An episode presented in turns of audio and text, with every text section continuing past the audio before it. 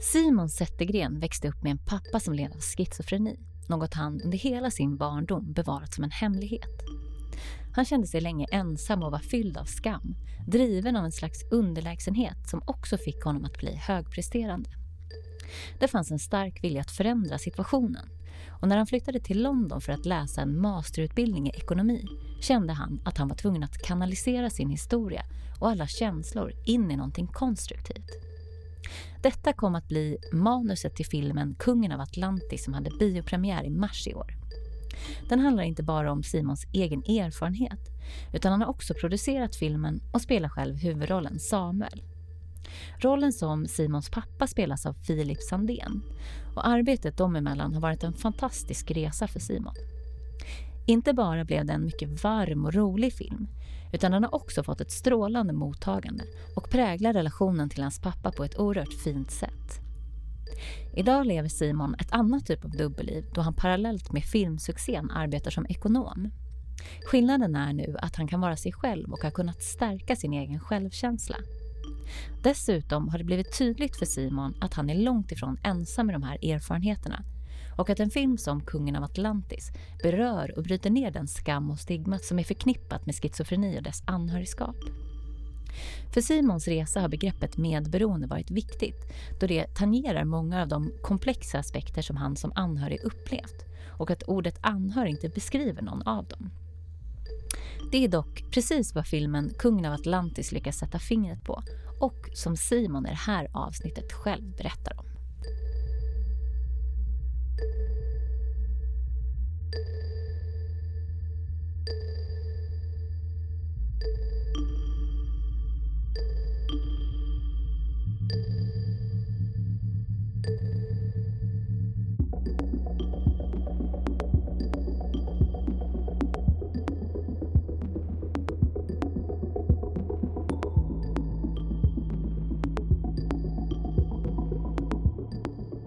Välkommen till Medberoendepodden Simon.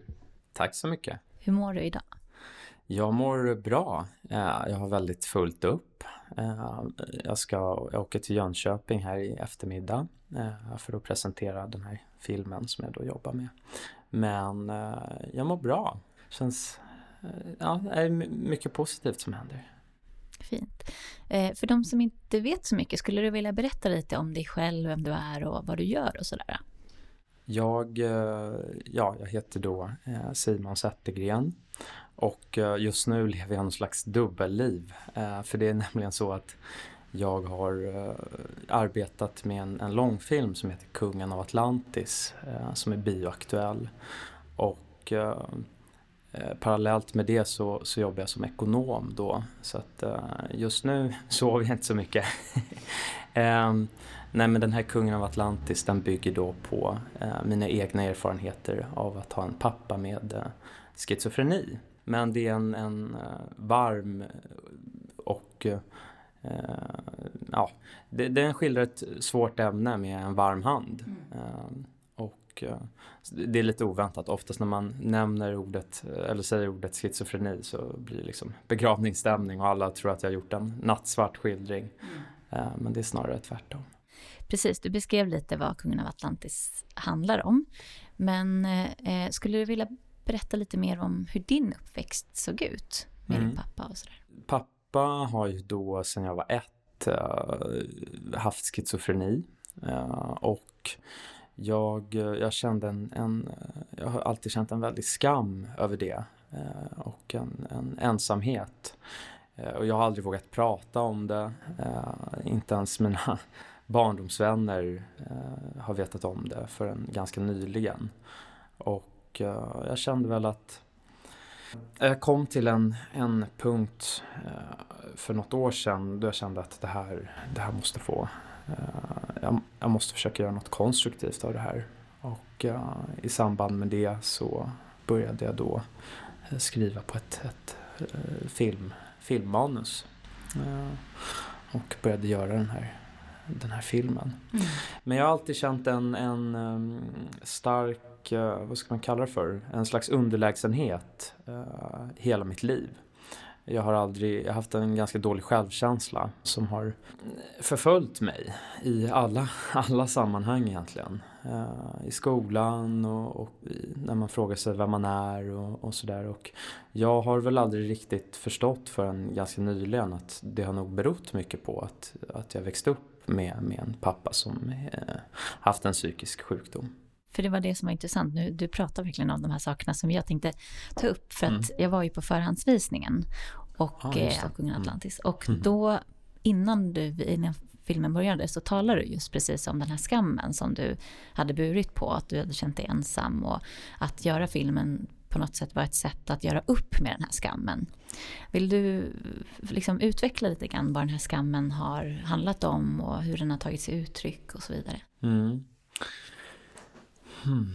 Alltså, dels så tror jag att um, jag tror att det finns en skam, det finns ju en oskriven regel, eller det fanns i alla fall när jag växte upp, om att det här ska du inte prata om. Uh, och uh, att ha, så att jag höll ju det här hemligt uh, och nästan till och med eh, inom att, att man höll det hemligt inom familjen på ett sätt för att vi pratade aldrig om det riktigt. Det hände vid något tillfälle men, eh, men det blev så otroligt dålig stämning så fort man tog upp, så fort ja, det togs upp då. Så att uh, vi, vi pratade aldrig om det och uh, att ha de här hemligheterna Eh, och att gå och bära på det här både som eh, ja, kanske framförallt som barn men eh, även i i, i, andra sammanhang. Alltså när, när, även när du blir äldre. Det, det äter upp en på något sätt. Man, man, man, man för, det är svårt att sätta ord på det men det är lite som att man förstörs eh, inombords. Eh, och, eh, och det är också någon slags som jag beskrev då en slags underlägsenhet. Så att när du träffar, när jag träffade människor ute på, eller liksom, alltså i skolan eller när, när jag lär känna människor och i förhållanden också så har jag alltid känt en slags Ja men en, det är som att jag har svårt att ha haft näsan ovanför vattenytan. Uh, och, jag har alltid fått kämpa uh, för att ta mig ta mig upp ur den här, eh, eller hålla mig, hålla mig vid liv på, något, på något sätt. Hur har den kampen sett ut? Alltså, den är ju såklart tror på många sätt in, intern. Alltså den, eh, den har, har väl inte tagit sig men, men det, det, är väl starka känslor av ångest ganska tidigt i, i livet och, och jobbiga tankar kring om, om, man, om man duger, om det är ens fel, eh, att ens förälder eh, blev så här. Framförallt i och med att jag, jag bara var ett när det här hände då. Och, så att det utlöstes i princip när, alltså när jag kom till. Eh, eller, eller när jag kom till världen. Och um, den har väl också uttryckt sig i eh, en, en väldigt, alltså en dålig självkänsla.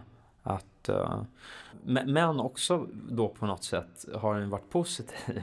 För att jag har ju försökt, det, det har gett en jäkla kämpaglöd. Och en, en slags vilja att ta sig ur uh, skiten. Mm. Så som jag har upplevt det. För jag har upplevt det som att jag har också växt upp med, vi har inte haft det så himla fett ekonomiskt. Eh, och för mig var det väldigt viktigt att, att ta mig ur Alltså, livet delar i vissa kort liksom. Och eh, jag vägrade acceptera det. Så att eh, för mig har det varit viktigt att ta mig ur, ur gyttjan så att säga. Och skapa mig en egen trygghet. Och skapa mig en plattform som, som jag kan stå på. Både psykologiskt men, men också såklart på något sätt praktiskt och, mm. och, och i, ja, boende och, och ekonomi och sådär också. Du sa att det här liksom, man säger schizofrenin bröt mm. ut när du var ett ungefär. Mm. Eh, men ni pratade inte riktigt om det i familjen. När fick du reda på eller när förstod du att din pappa liksom hade någon psykiatrisk diagnos eller, eller hade, led av schizofreni? Det jag kan inte riktigt minnas exakt när. Eh, jag har ju alltid vetat på något sätt att ja, pappa, eh, pappa har en sjukdom. Liksom. Eh, däremot så kan jag säga att jag har inte vetat det förrän Alltså, poletten trillade inte ner för, förrän bara ett par år sedan. För att det var först då som jag förstod eh, att det här inte var eh, det normala. Att inte alla var med om det här. Mm. För det hade jag gått och trott väldigt länge då, eh, upp i vuxen ålder. Att ja, men det, är så här, det är så här alla haft det. Uh, och för ett par år sedan så pluggade jag en master i, i London i ekonomi. Och det var väl no en slags uh, elitskola får man väl säga. Jag, jag kom dit på stipendium och uh, hade liksom knappt råd med. men, uh, och, men där gick jättevälbärgade elever med, med väldigt, i alla fall till synes, väldigt trygga familjer och trygga bak bakgrunder. Alltså en, en kärnfamilj och jag såg liksom hur båda föräldrarna följde med och hjälpte dem att flytta och, och hjälpte dem att hitta boende och sådär. Och där stod jag själv med resväskan i hand liksom. Och eh, då, då trillade poletten ned att okej, okay, man kan ha ett annat upplägg. Um, och eh, då Alltså den, den insikten var väl den jag fick tampas med som allra mest. För som barn så hade jag väl var, alltså tagit det här för ganska självklart och bara eh, sett till att lösa problemen och överleva. Eh, men som ung vuxen, när jag då insåg att okej, okay, det här eh, det här är mm, det här är vad ska man kalla det för? Ja, men det här är inte, det här är inte norm, det här tillhör inte vanligheterna. Och också att jag insåg att det här är ganska orättvist. Den insikten blev extremt tuff. Den blev... Ehm, ja, den, den krossade ju nästan mig. Eh, och var på väg att... Och, ja, alltså... Jag är glad att jag sitter här idag om jag säger så. Eh, för att den, att, att uppleva den, eh, att upptäcka den orättvisan och känna att, eh, alltså, man känner en, eller jag kände en enorm ilska till att börja med. Uh, det är väl de här uh, stages of grievance. Uh, men jag kände en enorm ilska och jag kunde inte tro att det var sant. Liksom, att, ska det verkligen, har det verkligen varit så här? Och sen så kände jag väl en slags uh, jag kände en uppgivenhet och, och sen började jag också faktiskt inbilla mig att jag själv uh, också skulle bli sjuk. Och, uh, jag kämpade väl med, vad ska man kalla det för, ja, men existentiella frågor. som liksom, okej, okay, vad, vad har meningen med allt det här varit? och jag kände ett väldigt starkt hat mot min pappa faktiskt också. Men sen tvingades jag ju på något sätt jag kom till en punkt, jag mådde jättedåligt. Jag festade väldigt mycket. Eh, för det var så man umgicks i den här skolan. Jag kände ingen i London och jag hade liksom ingen att anförtro mig till egentligen. Eh, så jag var väldigt, jag, jag kände mig så jäkla ensam. Och jag mådde psykiskt otroligt dåligt. Eh, det är nog min absoluta botten. Och eh, jag hade ju självmordstankar också. Och liksom... Um, uh, och det är klart att, när jag, eh, att fästa hårt hjälpte ju inte, inte saken. För att det gjorde att jag fysiskt mådde ganska dåligt också. Uh, men så kom jag väl till en punkt där jag insåg att okej, okay, antingen jag tvingades inse att det är inte min pappas fel. Han, han har en sjukdom jag, eh, ja, och jag tvingades väl också inse att antingen så accepterar du det här och försöker göra något konstruktivt av det. Eller så, eller så låter du det här bara krossa dig. Och eh, jag hade liksom ryggen mot väggen eh, på alla plan och kände väl att, att okej, okay, jag har inte så mycket till val. Och då fick jag börja acceptera det, det här. Jag fick också jag fick också börja arbeta på de här känslorna av enorm liksom, ilska. Och, och men det, det konstiga var att när jag väl accepterade det så gick det ganska snabbt till att alltså jag kunde släppa den här enorma ilskan ganska snabbt och eh, det var också i den, under den här perioden som jag började skriva på det här manuset. Och eh, till en början så blev det väl som en slags uh, livboj för mig. För att jag, jag kände att eh, som sagt att jag måste göra något konstruktivt och, eh, och gör jag inte det så, så går jag sönder. Så att jag gick liksom upp tidigt på morgnarna och uh, började skriva på det här och så pluggade jag resten av, av dagen. Uh, och det var också det, jag, jag, det var ju en olycklig timing för det var ju en otrolig press att fixa de här studierna också. Utbildningen kostade mycket och kuggade man en tenta en gång för mycket så, så blev man religerad liksom.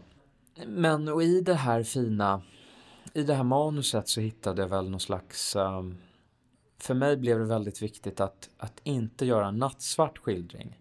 Jag hade önskat som barn att någon hade trätt fram. Det, var, det är viktigt att tillägga att det var mycket värre när jag var, när jag var barn. Det var mycket mer tabu och, och eh, man fick inte prata liksom.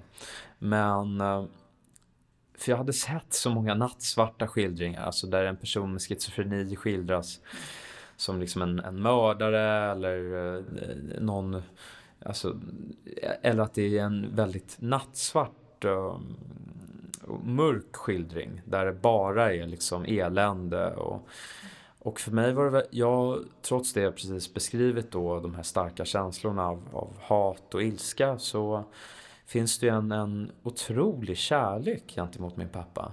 Och jag har aldrig tvivlat på den kärleken som han haft gentemot honom, äh, gentemot mig. Det har varit en, en alltså genom sjukdomen. Eh, han, han, har, han har ett hjärta av guld, han har ett sånt otroligt sinne för humor. Mm. Och han är mannen som, eller personen som har visat mig, kanske mer än någon annan, vad villkorslös kärlek innebär. Och för mig var det så otroligt viktigt att om jag nu skulle försöka göra det här så skulle det vara en, en skildring med en skildring som gjorde honom rättvisa mm. och som gjorde också sjukdomen och situationen rättvisa. En, jag tänker vi kommer komma in lite mer på filmen och så vidare men eh, bara för att ge lite mera en, eh, ja, en tydligare bild på något sätt av mm. hur, hur det var. Mm. Hur tog din pappas schizofreni sig uttryck? Liksom? Hur var han? Ja, alltså det som är lustigt med schizofreni det är att den går väldigt mycket i skov. Uh, så att du kan ha perioder som är relativt normala. Men uh, schizofreni uttrycker sig mycket i vanföreställningar. Uh, du kan tro att du är någon som du inte är eller uh, få någon slags storhetsvansinne. Vi var på någon resa i Egypten, då fick han för sig att han var en oljeshejk. Eh, men eh, han har också fått för sig att jag har varit Frodo då. jag var väldigt li liten som barn, eh, som kanske de flesta barn är, men, men på, hade mörkt hår så det påminner väl lite om honom. Nej men det, det, kan, det kan ta sig så många olika uttryck. Alltså, kan också bli våldsam men oftast handlar det om att de är en fara för sig själva. Eh, och, men det som, det som har färgat mig, tror jag, det är väl att pappa har inte riktigt kunnat vara en, en pappa-pappa. Eh, han har inte kunnat ta hand om mig kanske på det sättet som, som är vanligt. Och det har väl blivit någon slags omvänd relation där, där jag har fått ta hand om pappas både emotionella och delvis praktiska behov. Och det tror jag, alltså att jag tvingades ju växa upp väldigt snabbt och bli, bli vuxen och ta ansvar. Det var väl en av de sakerna som jag var arg över, att jag på något sätt berövats barndomen. Mm. Och det tror jag jag har gemensamt med väldigt många som har någon typ av medberoende. Att de har fått bli förälder åt sin förälder. Mm. Uh, och därför, nu ska vi inte prata om filmen, men därför tror jag att filmen mm. kan tala till uh, alla möj- alltså någon som har varit med, alla möj- eller bara har haft det i sin närhet. Inte bara en film om schizofreni som det så gärna lyfts upp nu i, i, i media. Mm. Att, att det framställs lite som det. Men det här med medberoende, eh, det tyckte jag var intressant för det är ju ett ord, vi pratade lite om det här innan, liksom, Mm. att det är ett ord som både har, eh, ja men som, som liksom kanske på senare år har egentligen börjat eh, bubblas upp och folk börjar få en liten tydligare bild av vad det är och så. Mm. Och jag vet att jag, första beskrivningen jag läste om vad filmen handlar om så var ju ordet medberoende med där. Jaha. Varför, varför, liksom, varför använda ordet medberoende och inte anhörigskap? Är det någon skillnad där för dig? Oj, det är en jättebra fråga. Alltså, ja, om du bara frågar, alltså jag kan ju liksom inte... Fråga dig bara Ja, jag, jag, är inte, jag är inte forskare eller liksom språk, otroligt språkkunnig Nej. eller så, men jag tror att medberoende, eh, medbero, alltså anhörigskap fångar inte upp problematiken riktigt. Alltså ordet medberoende är väl ett, ett ganska bra ord på många sätt. Det är tråkigt för att jag får no, på något sätt lite negativa konnot- alltså, men det det betyder är väl eh, på något sätt att du är eh, du är väldigt sammanflätad med en person och du är så pass sammanflätad så att du eh, du fast, alltså du- du har väldigt svårt ja, det är svårt att dra gränsen kring vad, vad är mina behov och vad är den andra personens behov. Mm. Jag såg en otroligt fin film som jag tyckte skildrade det väldigt fint faktiskt. Det var den här Ted Gärdestad-filmen. Där den här eh, brorsan, eh, bron eh, till Ted Gärdestad, Kenneth, alltså han, han satte ju allting, eller han satte sin bror före allting. Och det är väl lite klassiskt och det är väl lite samma som jag har gjort och även gör i den här filmen att Mm. allting, allting går före. Eh, eller eh, den här relationen går före allting. Mm. Ursäkta. Eh, så jag, jag tycker ordet få, medberoende fångar ju upp det ganska bra. Mm. Ehm, jag tänkte på, du nämnde det lite grann tidigare där, eh, att du skrev ett manus och du behöver göra något konstruktivt av Mm. det. Hur kommer det sig att det blev liksom ett filmmanus och inte till exempel en bok? Mm. Eh, jag... Eh, för mig... Jag har ju sysslat med film eh, i några år nu, sedan jag var 17. Och det var någon som påpekade att ja, det är ju, det är ju drygt nio år då. Det är så sjukt att, att inse att det är ganska länge. Mm. Men... Eh, och... Eh, jag, vill göra något konstruktivt som kanske kunde förhoppningsvis hjälpa andra att känna sig mindre ensamma. Mm. Jag, när jag var 17 då så brottades jag ganska mycket med liksom min identitet, vem jag var. Och eh, skådespeleriet då, som jag började med då, det blev en slags eh, tillflyktsort. Där jag kunde vara någon annan än just en son till en pappa med schizofreni. Eh, och eh, det, det, blev, det var också en källa till bekräftelse, uh, får jag faktiskt erkänna. För att jag hade ett otroligt bekräftelsebehov och törstade efter att bli, bli älskad. Eh, för jag kände mig inte tillräcklig själv. Det där, den relationen till skådespeleri är ganska destruktiv i längden framförallt. För att eh, ja, men det, är ingen, det är ingen hälsosam eh, motor till att vilja hålla på med, med det där.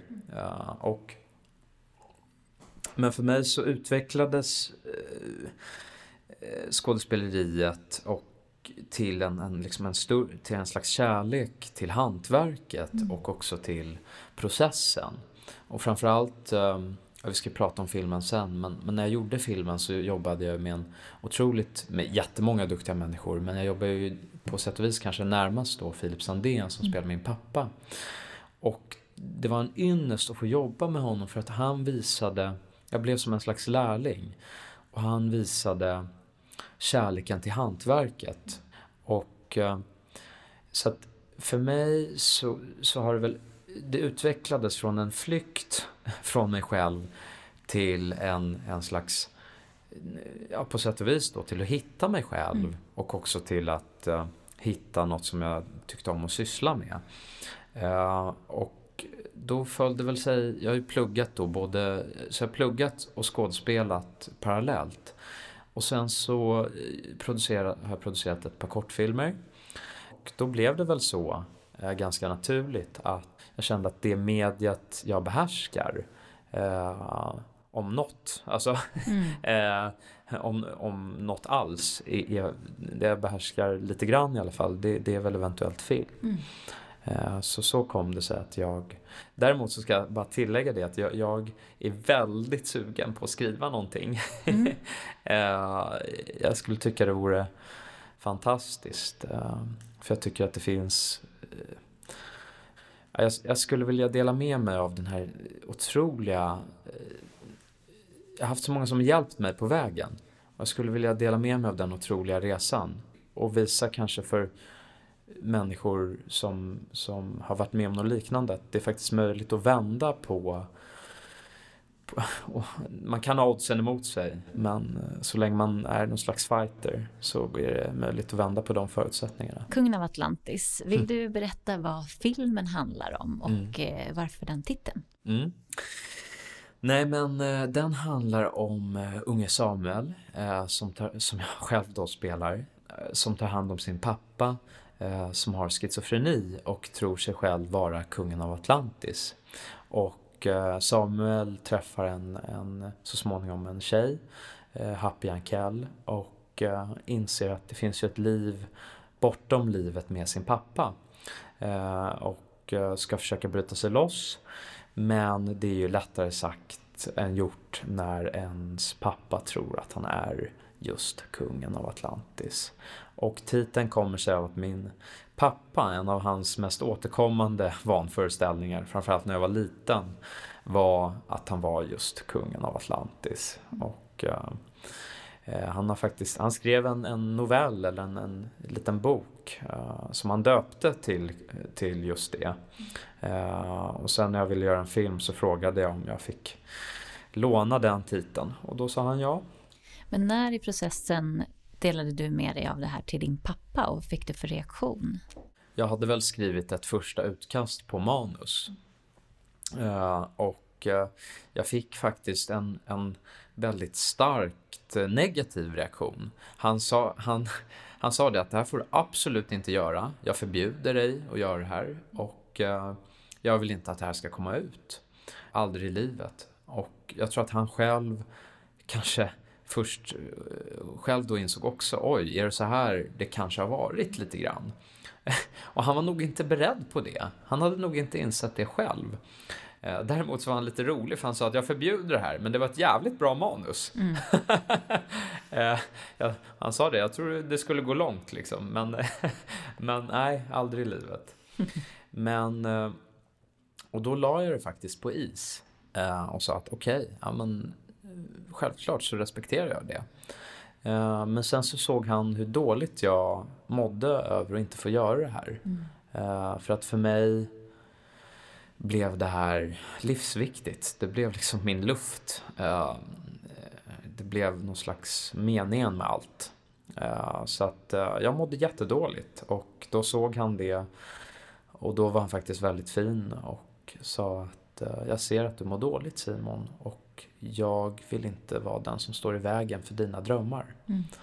Så att uh, om du behöver göra det här så gör det. Mm. Vi går in lite grann på, på filmen nu då. Mm. Precis som du nämnde så Filip Sandén, skådespelare, han eh, spelar ju då pappan Magnus i filmen. Mm. Och det är ju en otroligt fin och trovärdig eh, gestaltning. Mm. Eh, jag funderar lite på hur gick arbetet till med honom? I och med att han någonstans så är det ju ganska viktig, viktigt att det landar rätt på något sätt i och med mm. att det är baserat på din egen pappa. Mm. Hur gick det till? Alltså jag eh, hade en... Eh, jag såg ett klipp på Filip och jag visste faktiskt direkt att han var helt rätt. Jag vet inte vad det var, men, men ibland vet man bara. Mm. Uh, det är som när, när, man blir kär i någon. Liksom. Mm. Uh, det kändes bara i magen. Och uh, det, det, var ju ganska os... Alltså, det ska ändå tilläggas, för jag tycker det är en, en jag ska inte göra en lång harang av det, men det är en ganska häftig historia. Liksom. Jag var 23 och jag hade aldrig gjort en långfilm och, och människor sa ju till mig att du får vänta 20 år. Eh, men, men och jag hade inte så mycket, jag hade knappt några, ja, Filip har ju skämtsamt sagt att han fick två och en halv spänn och en ostmacka i gage för den här filmen. eh, så det var ju inte självklart att, att han skulle haka på här. Men det jag såg hos honom var väl en slags känslighet och en... Han matchade min pappa väldigt väl på så vis att han, han hade... Eh, det kan låta konstigt, men, men eh, Filip har en slags borgerlig bakgrund. Och för mig var det väldigt viktigt att, att den här personen som spelade honom skulle kunna föra sig ganska väl. Och ha, alltså vara bildad, ha...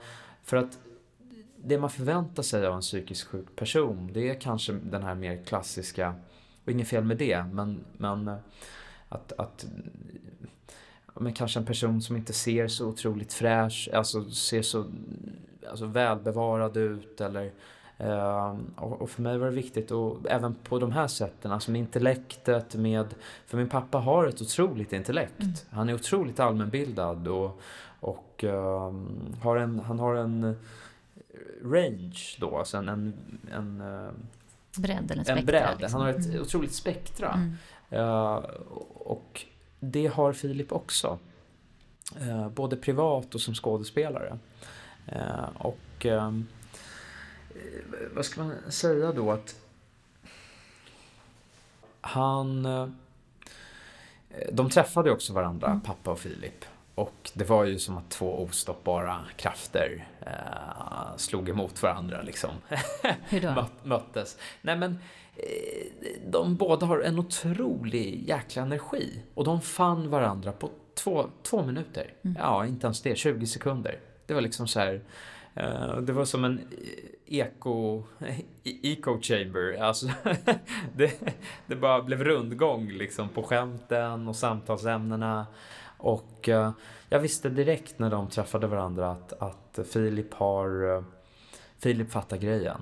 Och han sa ju det direkt efteråt, att din pappa är en översmart människa mm. som har fått den här diagnosen.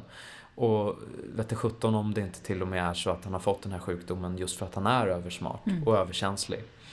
Uh, och, ehm, och sen så kände ju pappa liksom också att i och med att de connectade så bra så tror jag han kände en, en, slags, trygg, mm. en slags trygghet också i att det här kommer förvaltas av, av någon som faktiskt bryr sig på riktigt. Det var det som eh, jag tänkte på, du nämnde det tidigare också, att jag tycker det var så fint i filmen just för att han, han blir liksom komplex, en komplex karaktär och att det både finns den här liksom eh, dråpliga humorn och värmen och kärleken och samtidigt det här liksom ja, men pinsamma, jobbiga och, och det som är, ja, som är den andra sidan av det. Men det jag tycker var fint också var att det ändå finns stunder där det inte bara är den här pappan som är lite överdriven utan att det också fanns stunder där han någonstans eh, fick lite insikt och kände att han ville skärpa till sig och bli den där pappan men kanske inte riktigt förmådde sig hela vägen. Mm. Hur har du tänkt kring det? Alltså det tror jag är kanske bland det tuffaste med att vara medberoende. Uh, för att du lever ju på hoppet. Mm. Uh, och i, i det här fallet när det gäller schizofreni så är det en obotlig sjukdom. Mm. Men det finns också stunder av klarhet. Glasklarhet kan mm. jag säga. Där, det är, där, där, han, där min pappa har varit och där många med den här diagnosen är så pass de är Alltså de är, vad ska man kalla det för? De är lite larger than life mm. på så vis att de blir allt det där som en normal person är fast ännu bättre. Eh, de blir liksom knivskarpa, otroligt intelligenta och otroligt insiktsfulla. Ehm, otroligt, otroligt kärleksfulla. Men, och det är väl det man som medberoende får brottas med mest. Mm. Att det är så otroligt frustrerande att det finns de här otroligt um, fina, fina, kärleksfulla och insiktsfulla stunderna eh, som sen ganska snabbt förbyts um, och, och, blir, uh, blir otroligt jobbiga. Uh, och det vill jag försöka skildra i, i filmen. Att, att det, finns, det finns både och. Och att det finns en person, det är väl kanske det som är det jobbigaste, att det finns en, det finns en, en person bakom sjukdomen. som, glän, som och dörren gläntar, gläntar ibland Mm. och så får man se den personen. Och ehm, eh, men det är bara accepterat att det är så det är och det går liksom inte att ändra på. På visningen så, så kom ju din pappa, eller du bjöd upp din pappa på scen. Eh, Mm. och det var ju otroligt, otroligt starkt och fint och han kramade om Filip och, och sådär liksom. Eh, och det, då kommer jag att tänka på två saker. Dels att det var så otroligt mycket kärlek, så fint eh, och att han var så otroligt stolt över dig. Eh, men så tänkte jag också på ur ett medberoende perspektiv. Fanns den här rädslan för dig då att han skulle kunna, att han skulle liksom göra bort sig på något sätt där? Eller hur kände du kring det? Ja, alltså den här, den här stunden, jag Mm. blir rörd när Mm, du pr- bara det. pratar om den. Så Eh, fint. För det,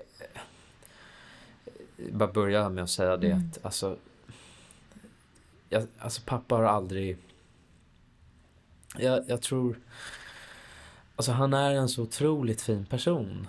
Eh, och han har han har, som jag sagt då tidigare, han har ett sånt otroligt hjärta av guld. Mm. Och det finns så mycket kärlek och det var så mycket kärlek i det där rummet. Ehm, och att, att han hedrades på det här sättet. Han fick ju då, det, det spelar ingen roll så, men det spelar roll för att han, han fick ju liksom stående ovationer Oh, ja. på slutet. Oh, ja. Ehm, och, och det är inte bara för att folk vill vara snälla utan Filip fick också det och, och, Mm. och, ehm, och jag tror att alla, alla kände på något sätt att Nej men att, att, att han fick den här stunden. Mm. Han har ju sagt efteråt liksom att Simon jag, jag är så jävla tacksam för det här. För att du har gett mig livet tillbaka. Mm. Jag blir så, alltså det är på något sätt ändå glädjetårar. Mm. Ehm, Så och det är klart att någonstans så var jag orolig över att för att han hade sett filmen faktiskt um, någon dag innan. Jag kände ju mig såklart um, att jag hade ett ansvar och det var väldigt osäkert om han skulle komma överhuvudtaget. Uh, för att han var inte säker på att han skulle palla med. Men uh, um, Och jag satt ju bredvid honom hela visningen. Och vi, vi höll liksom om varandra. Mm. Och jag sa det att det, det, det här är ett kärleksbrev till dig. Och jag vet att det, det är liksom inte bara... Tyvärr så kan jag ju inte skildra dig som någon jävla supermänniska. Mm. För det blir ju ingen film av det. För du är ju fantastisk. Men det finns ju också med. Eh, Men jag måste skildra de jobbiga stunderna för att, för att kunna hjälpa andra också. Och han blev ju ganska, när han såg den innan så blev han jätteprovocerad. För han sa, varför har du skildrat mig på det här sättet? Liksom. Eh, men, då, men då förstod han ju när jag gav den förklaringen att jag, jag, jag önskar att någon annan hade trätt fram. Och visat att det är jobbigt men det finns jättemycket kärlek och värme och humor också. Och då fattade han. Mm. Uh, jag visste också att han skulle reagera så för jag känner honom så pass Mm. väl.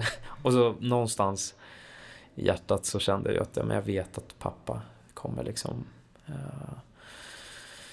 Han kommer också kunna se, se det större för han Mm. är så otroligt generös också. Ja, det var en väldigt, väldigt stark... Eh, alltså det var precis som du säger, det var så mycket kärlek och det kändes som att ja, man blev, det blev liksom ex, extra starkt på något sätt. Eh, att han på något sätt kunde gå upp och ta emot det också. Mm. Alltså att han hade det modet att göra det. För det, ja, Ja, det är inte självklart. nej, verkligen inte. I en sån där sits. Så. Ja. Hur har er relation, liksom, har den förändrats någonting efter filmen och sådär?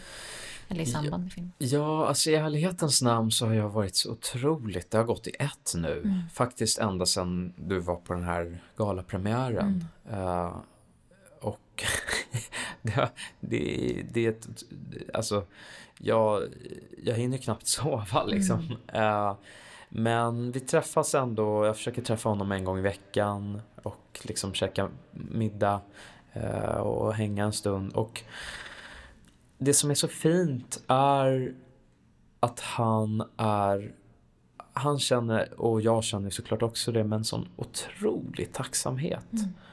Och han säger varje gång vi ses liksom, bara, det, här, det här är det största som har hänt mig. Uh, och, wow. och, och du har liksom, du har gjort något otroligt uh, för, för alla oss. Uh, inte bara för dig och mig Simon, utan mm och eh, att få den boosten varje gång vi ses, det, det är någonstans är det det som gör att jag orkar eh, tuffa på här. Eh, ja, superstarkt. Eh, jag tänkte på den här eh, eh, kärleksrelationen. Ja. En annan eh, aspekt där som jag tyckte var fin liksom, i filmen, mm. som du sa, Happy Uncle spelar Cleo eh, och det är en kärleksrelation då mellan Samuel och Cleo. eh, och eh, det jag tyckte var fint var också att Cleos föräldrar, alltså Cleos mamma också var på något sätt en, en en förälder som kanske inte riktigt var kompetent i sin föräldraroll. Ja. man kan säga så. ja. eh, och att eh, på något sätt så hade båda de här, både Cleo och Samuel, föräldrar som på något sätt var barn. Mm. Eh, på ett eller annat sätt. Hur tänkte du kring det? Det finns väl flera aspekter. Alltså, flera, det är en jättebra fråga. För det, det, alltså, vi fokuserar ju ofta, eller jag får ofta fokusera på far och son-relationen. Men i ett sånt här format så får jag ju möjlighet att prata även om det. Mm. Men jag vill bara tillägga en, en liten grej också. Och det är så här att, alltså, nu sitter ju jag här och pratar, mm. men det är jätteviktigt att komma ihåg och för de som lyssnar att det här är en otrolig team effort. Mm.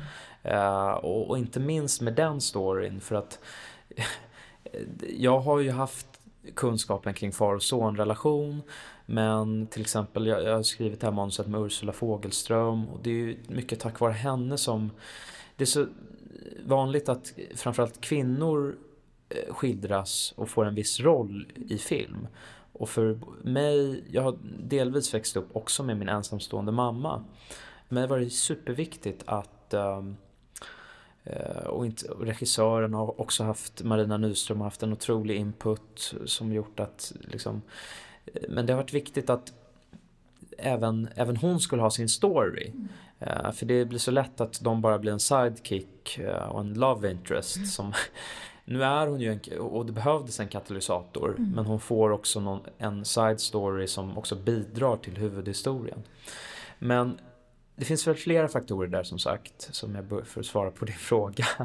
eh, och dels är det så att som medberoende, som, som man väl får säga att jag har varit mm. eh, och i viss utsträckning är, så är det väldigt lätt att man även i romantiska relationer trillar dit mm. eh, och blir kär i människor som själva har problem. Mm. Och det, så har det varit för mig. Eh, jag har alltid liksom blivit förälskad i människor som behövt min hjälp. Mm.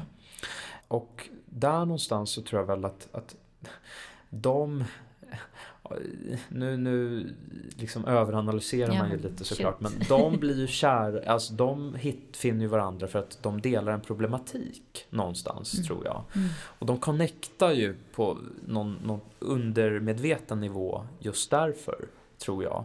Um, och så har det varit för mig. Så att om den här karaktären som jag då skrev, Samuel, skulle ha någon kärleksrelation så skulle det vara med någon som hade en liknande mm. problematik.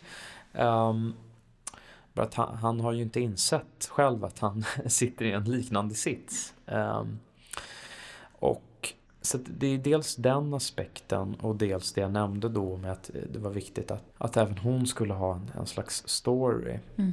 Men det är så otroligt, jag ska inte bli för långrandig, men det är så otroligt hur man fastnar i det där um, att man ofta, alltså när du redan, exakt, mm. exakt. När du redan har varit kär eller när du redan har problemet hemifrån. Mm. Då kan man ju tänka sig att rent logiskt så skulle man ju göra allt för att bara undvika äh, det där. Mm. Äh, aldrig hamna i det igen. Men det är så sjukt att... Ähm, och det är för att man är inte medveten om det många gånger. Mm.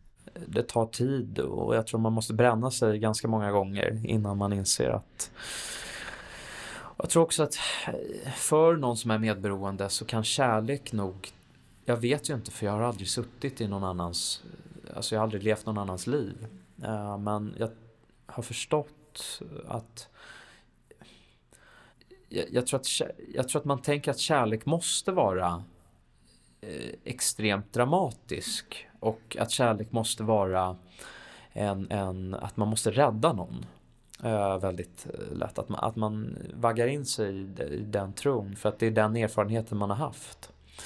Uh, och um, um, det, är, det är ett svårt mönster att bryta. Mm. För att man behöver också inse att kärlek kan vara det där vardagliga. Att det är någon att komma hem till eller eh, någon att, att, kunna prata med och liksom dela.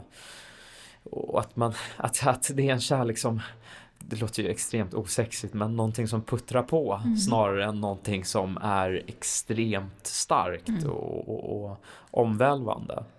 Uh, det, måste, det kan vara det, men det måste inte vara det. Den här kärleksrelationen, mm. var det någonting som du skrev för filmen eller är den också tagen ur liksom, en, en verklighetssituation? Mm. Nej, men den är tagen ur, ur en verklighetssituation mm. också.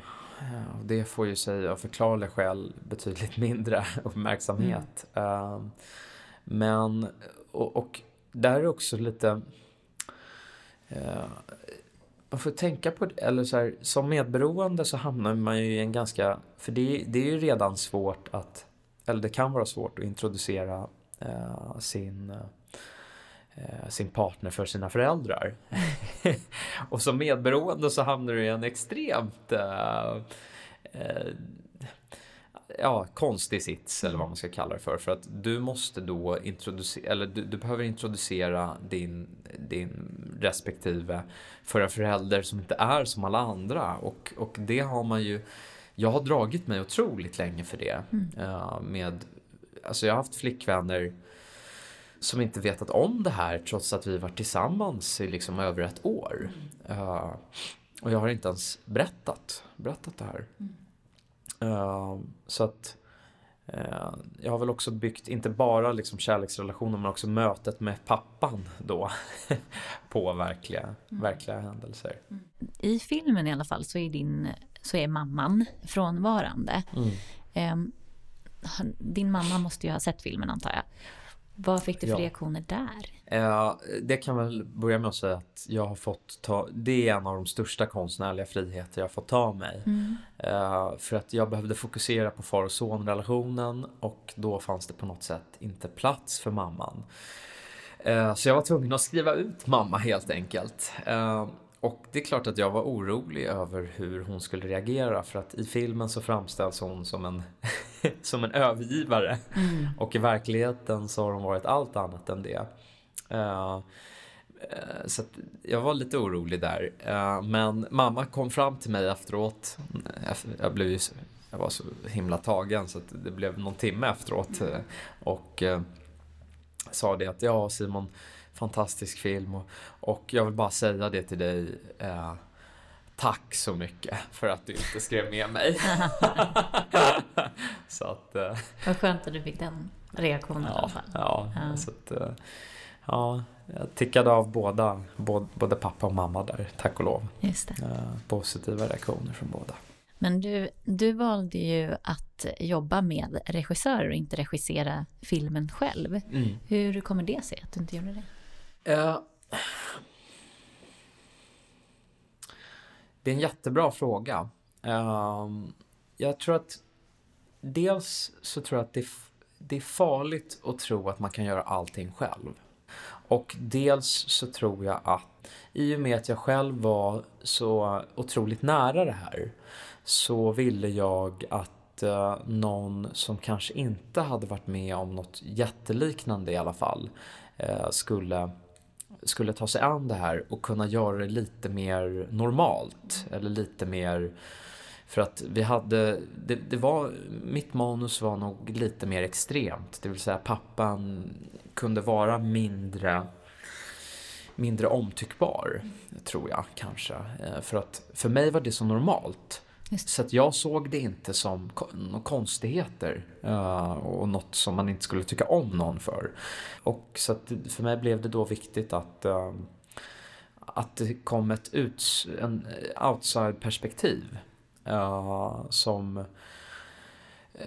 som kunde säga att ja men vet du vad, det här är jättekonstigt och det här tror jag inte en publik köper. Så det var dels det och dels också att um, ja, men handen på hjärtat liksom. Jag, eh, jag har inte nu har jag tvingats utveckla ett otroligt tålamod för den här filmen har tagit nästan 3-4 år. Eh, men jag hade då, då var jag 23 och eh, var väl ganska testosteronstinn liksom och hade inte alls något tålamod. Ehm, och jag har väl liksom inte det tålamodet att, att göra allting och även arbeta. Jag är, ganska, jag är en... Jag, jag är ganska krävande. Jag, jag vill ha rätt resultat direkt. Mm. Um, och uh, det är nog ingen bra egenskap om, om man ska regissera någonting. Och, uh, Marina Nyström som regisserade då på inspelning har tvärtom ett otroligt jäkla tålamod med skådespelare. Eh, och eh, beund, alltså kunde köra 20 tagningar. Mm. och jag liksom bara, vad fan, nu har vi ju det. Men, nej, nej men vi kan, vi kan liksom eh, pressa ur lite mer ur den här citronen. Så att, eh, sen, sen har det ju inte varit eh, helt lätt. För att det här har ju varit min historia. Eh, och det har ju funnits stunder där man frågat sig, okej, okay, vilken, vilken berättelse ska vi berätta? För det var otroligt lätt att uh, det här trillade in i det mer klassiska mörka dramat. Mm. Och jag har ifrågasatts i olika sammanhang väldigt starkt. Uh, inte, inte nödvändigtvis av, av regissörer utan, eh, utan av outside, alltså, alltså sådana som haft ekonomiska intressen eller eh, distributörer när vi approachade dem. Eh, och så okej okay, men den här klipper vi om. Men då har det varit otroligt viktigt att gå tillbaka till och ställa sig frågan var, varför vill jag berätta den här berättelsen? Och eh, ja, det har varit viktigt att, att bära med sig också i det här samarbetet. Mm. Att, att man får liksom, nej men det är viktigt att det blir en varm berättelse. Och det blev det verkligen. Eller det är det. eh, jo, alltså det känns, nu ska vi inte säga hur filmen slutar, men det landar på något sätt i någon slags sensmoral i att man ändå måste liksom leva sitt liv eller liksom mm. eh, ta hand om sig själv eller så. Mm. Eh, hur tänkte du kring slutet liksom? Var det viktigt för dig att det här ledde in i någonting sånt? Mm. Slutet var nog det svåraste. Mm. Uh, det absolut svåraste. För att det, det absolut svåraste. För det gällde att hitta en balans i... Eh, så dels vill man inte lämna pappan alldeles för vind för våg, så att säga. Och, och eh, som sagt, vi ska inte säga hur det slutar. Men, men för mig var det väl viktigt att slutet skulle bli på något sätt, eh, det låter lite löjligt, men livsbejakande. Mm. Och säga att eh, du, du, du, har liksom, du har en möjlighet, du har ett liv och det är viktigt att du lev, lever det så som du själv vill och inte fastnar i det här, uh, det här mönstret, det här medberoendet. För att det landade där. Mm, det landade där. nu när den här filmen visas och folk tar del av den och så, vad hoppas du att den ska liksom göra med Eh, med folk eller de som tittar på den? Mm. Ska den ge andra människor något speciellt? Alltså det, jag måste säga det att vi, jag, jag är ju på många specialvisningar där jag kort presenterar filmen och sen svarar på frågor efteråt. Och det är helt otroligt fantastiskt för att då får man faktiskt vara på plats och se, se och höra publikens reaktioner. Mm. Uh, och det jag fått hittills är en sån otrolig eh, kärlek. Eh, och eh, faktiskt också väldigt mycket igenkänning. Det är så många som kommer fram till mig efteråt och säger att jag har varit med om något liknande och, och det är så otroligt, det är ganska konstigt, eller så här, lustigt för att många eh, Många säger det att jag har aldrig tänkt på det här. Jag har aldrig fattat det men jag har varit med om något liknande. Mm. Och så att för många så tror jag att det här blir en, en möj, ett, slags uppvaknande. Eh, någonstans har det också varit jätteviktigt för mig att filmen ska vara underhållande och att det ska vara en bra film i sig. Mm. Så att, säg att du kanske inte har haft med det här att göra någon typ av medberoende eller no inte överhuvudtaget. Säg att du är en av de lyckligt lottade mm. Eh, som inte ens haft i sin närhet, alltså inte ens en släkting eller så. Eh, då vill jag att det här skulle vara en, åtminstone en, en att den skulle kunna stå på egna fötter. Mm. Um, som en, en, en, en, film i sig. Uh, så det hoppas, på ett sätt är ju det viktigaste som jag önskar mig att man ska bli underhållen. Mm. Men sen finns det ju ett högre värde på något sätt och det är att man Vissa har ju till och med sagt så här, jag har blivit, jag har, det här har varit helande. Mm. Och det är otroligt. För mig är det liksom så här, det, det, det, det är astronomiskt. Jag kan inte tro att det är sant liksom. Men, men jag tror just att det är den här igenkänningen och att man får känna sig eh, bekräftad och sedd. Att det är inte bara jag som inbillar mig så att säga. Utan det här är en erfarenhet som jag delar med många. Eh, och det hoppas jag att, att folk ska, ska bära med sig och inte minst kanske den här eh, Gud, jag fick en sån fantastisk reaktion bara häromdagen. Då var det en, en kvinna som kom ut och hon kunde inte sluta gråta. Mm. Och hon berättade liksom att jag har inte tänkt på det här men jag har gått igenom något liknande med mina föräldrar och nu har jag också något liknande med mina barn mm. som har en en betydligt lättare diagnos men ändå en diagnos. Jag behöver inte säga vad för då kanske jag outar henne lite mm. grann. Uh, och hon, alltså hon, hon stod bara och stört kött i liksom mm. en halvtimme. För att hon hon kände väl någon slags Ja, det var det. Just det, det var därför jag kom att tänka på henne. För hon sa det är så mycket kärlek mm. i den här filmen. Och jag bara känner den. Och eh, det är precis så jag känner också gentemot både mina föräldrar och mina barn. Eh, det är enda kärleken igenom allt det jobbiga. Jättefint. Har du eh, lyckats göra dig fri i skammen eller göra upp med skammen nu? eh, ja, precis. eh, något av det finaste som har hänt här. Ehm, för att det här har ju varit en och jag säger det här, om, om någon i min familj skulle lyssna så säger jag det med all, med all kärlek. Eh, för det här har ju varit en problematik även inom vår familj. Att, att det här har varit en stor, en, en, ett stort tabu och någonting som man vill ju ofta måla upp sig själv och familj som väldigt framgångsrik och liksom allting är perfekt och bra. Och då har vi eh, inte vi har inte varit så öppna med det här. Och något av det finaste som har hänt eh, det är att nu har även min familj sagt att eh, det här det här är så otroligt, alltså det här skapar eh, det här har varit, för dem varit ett sätt att processa det här också. Eh, och jag tror att den, den här skammen eh, blir ju på något sätt eh, ganska helad eller läkt när, när man får börja vara öppen med det. Mm. Det är så många som går ut nu och berättar att ja, men de har ADHD och, och men schizofreni tror jag ändå någonstans, det, det, det, är en annan nivå av skam på det. Mm. Uh, och eh, ja, hon har ju skrivit en bok som kallades Det sista tabut, tror jag den heter. Eh, Borelius. Ehm, och hon hade väl rätt i det liksom. Ehm, så att jag tror att jag kommer aldrig lämna erfarenheten. Den kommer alltid finnas kvar hos mig. Ehm, men den skammen hoppas och tror jag är, i alla fall hos mig, botad. Fint.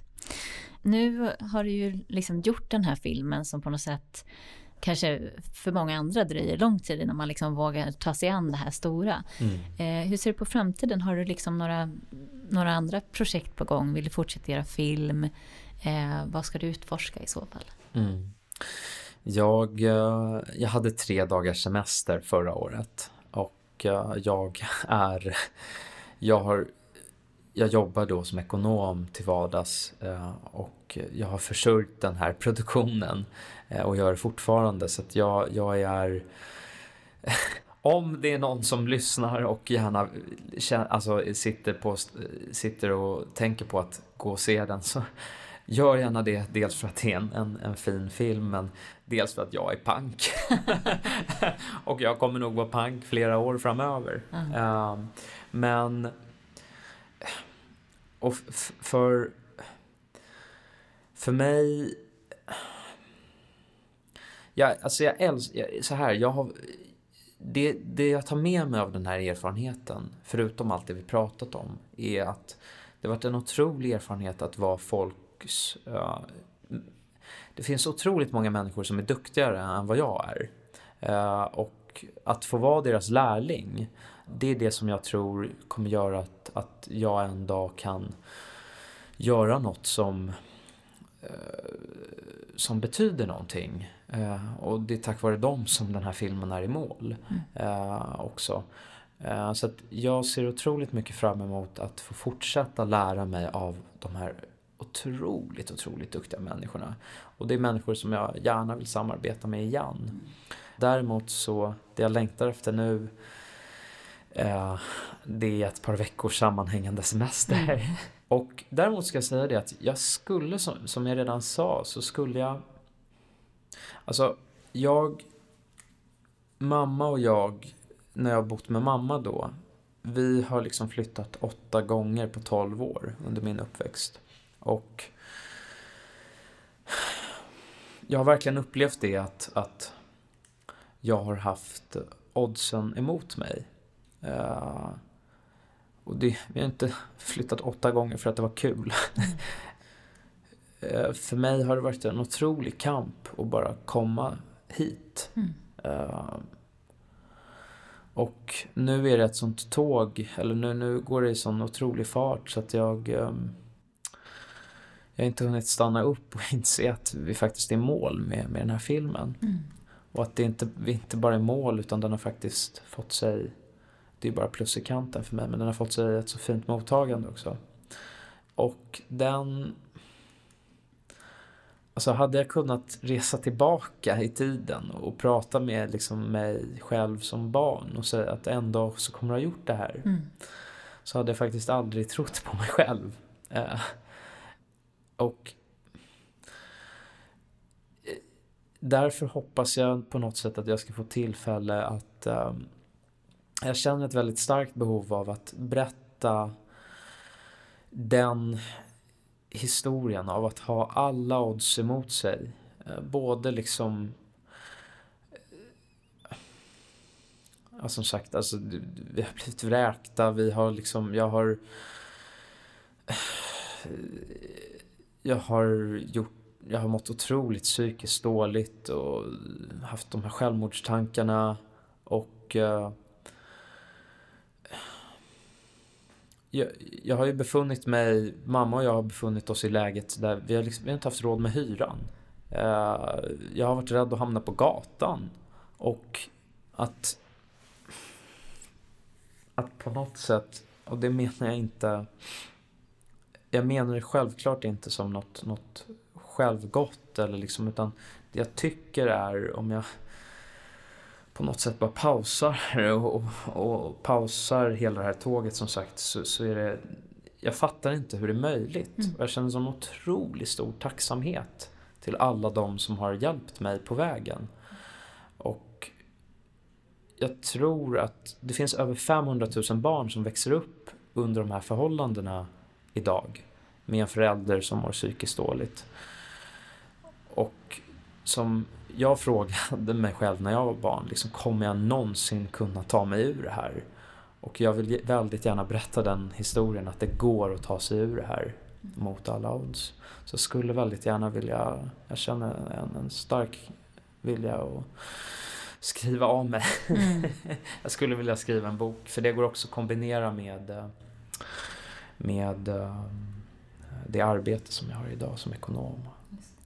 En eh, sista, det är fantastiskt hur du har liksom verkligen gjort den här resan. Jag tycker det är intressant där som du sa på något sätt att, att motorn på något sätt ändå kommer ur en slags styrka, en vilja liksom. Mm. Att, att det ska bli bättre eller att man ska liksom utvecklas och så vidare. Mm. Eh, för de som tittar på filmen eller lyssnar här och känner igen sig, vad, har du något råd liksom, som du skulle vilja ge till dem? Ja, eh, dels så har jag att uh, Dels så har jag ett råd då.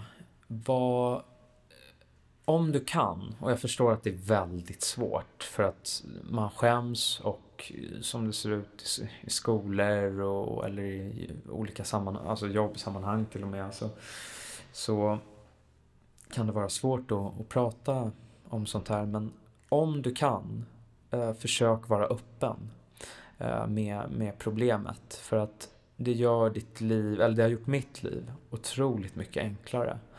Eh, folk har fått sig en förklaring. Eh, alltså barndomsvänner som nu fattat liksom, okej okay, var det så här det var? Nu fattar jag varför du har mm. betett dig som du har gjort. Um, så att vara öppen, det lättar otroligt mycket på trycket och inte minst i en själv. Uh, men också från omgivningen. Och sen skulle jag väl säga jag har kämpat otroligt mycket med dålig självkänsla och eh, en del av det är på grund av eh, att jag inte varit snäll mot mig själv.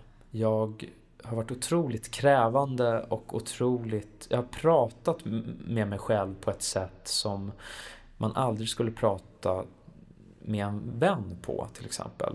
Alltså om en vän kommer och har blivit dumpad, det är klart att du inte säger ja men den här personen hade nog helt rätt som mm. dumpade dig. Utan då är du ju snäll och säger, vet du vad, du har gjort, du är världsbäst, du har gjort ditt bästa, du, du är väldigt fin, du har jättebra egenskaper. Och så att, för jag tror att man lätt skyller på sig själv mm. i de här sammanhangen. Varför har jag inte fixat det här? Varför är jag inte bättre? Är min förälder sjuk eller, eller är den, har den ett beroende på grund av mig? Är det något som jag har gjort fel? Och där tror jag det är jätteviktigt att nej, du måste komma ihåg att du duger som du är. Och rent praktiskt då, var snäll mot dig själv. Prata med dig själv som om du vore din egen bästa vän. Du har gjort ditt bästa och du kommer fortsätta att göra ditt bästa. Och det räcker gott nog. Mm. Tack. Jag vill verkligen, förutom att det är ett fantastiskt viktigt ämne och Eh, att du, eh, alltså för, för mig är det liksom, det är verkligen den här avvägningen, den här balansen av att, att det faktiskt är, det finns en trovärdighet och en tyngd i det. Eh, men filmen har fått ett jättefint mottagande. Den är superrolig, mm. den är väldigt varm, den är väldigt rörande. Eh, helt enkelt en väldigt, väldigt, väldigt bra film. För det är viktigt att säga, det är lätt att man bara pratar om liksom innehållet, men rent filmiskt så jättefin. Eh, Tusen tack Simon. Jag önskar dig all lycka och tack för att du var med och heja dig. Liksom. Tusen tack själv för att jag fick vara här. Tack. Gå nu och se Kungen av Atlantis medan den går på bio. Det är verkligen en fantastisk film. Vill du veta mer om medberoende och var du kan vända dig så kan du gå in på www.medberoendepodden.se. Du får hemskt gärna följa oss i sociala medier. Där heter vi Medberoendepodden.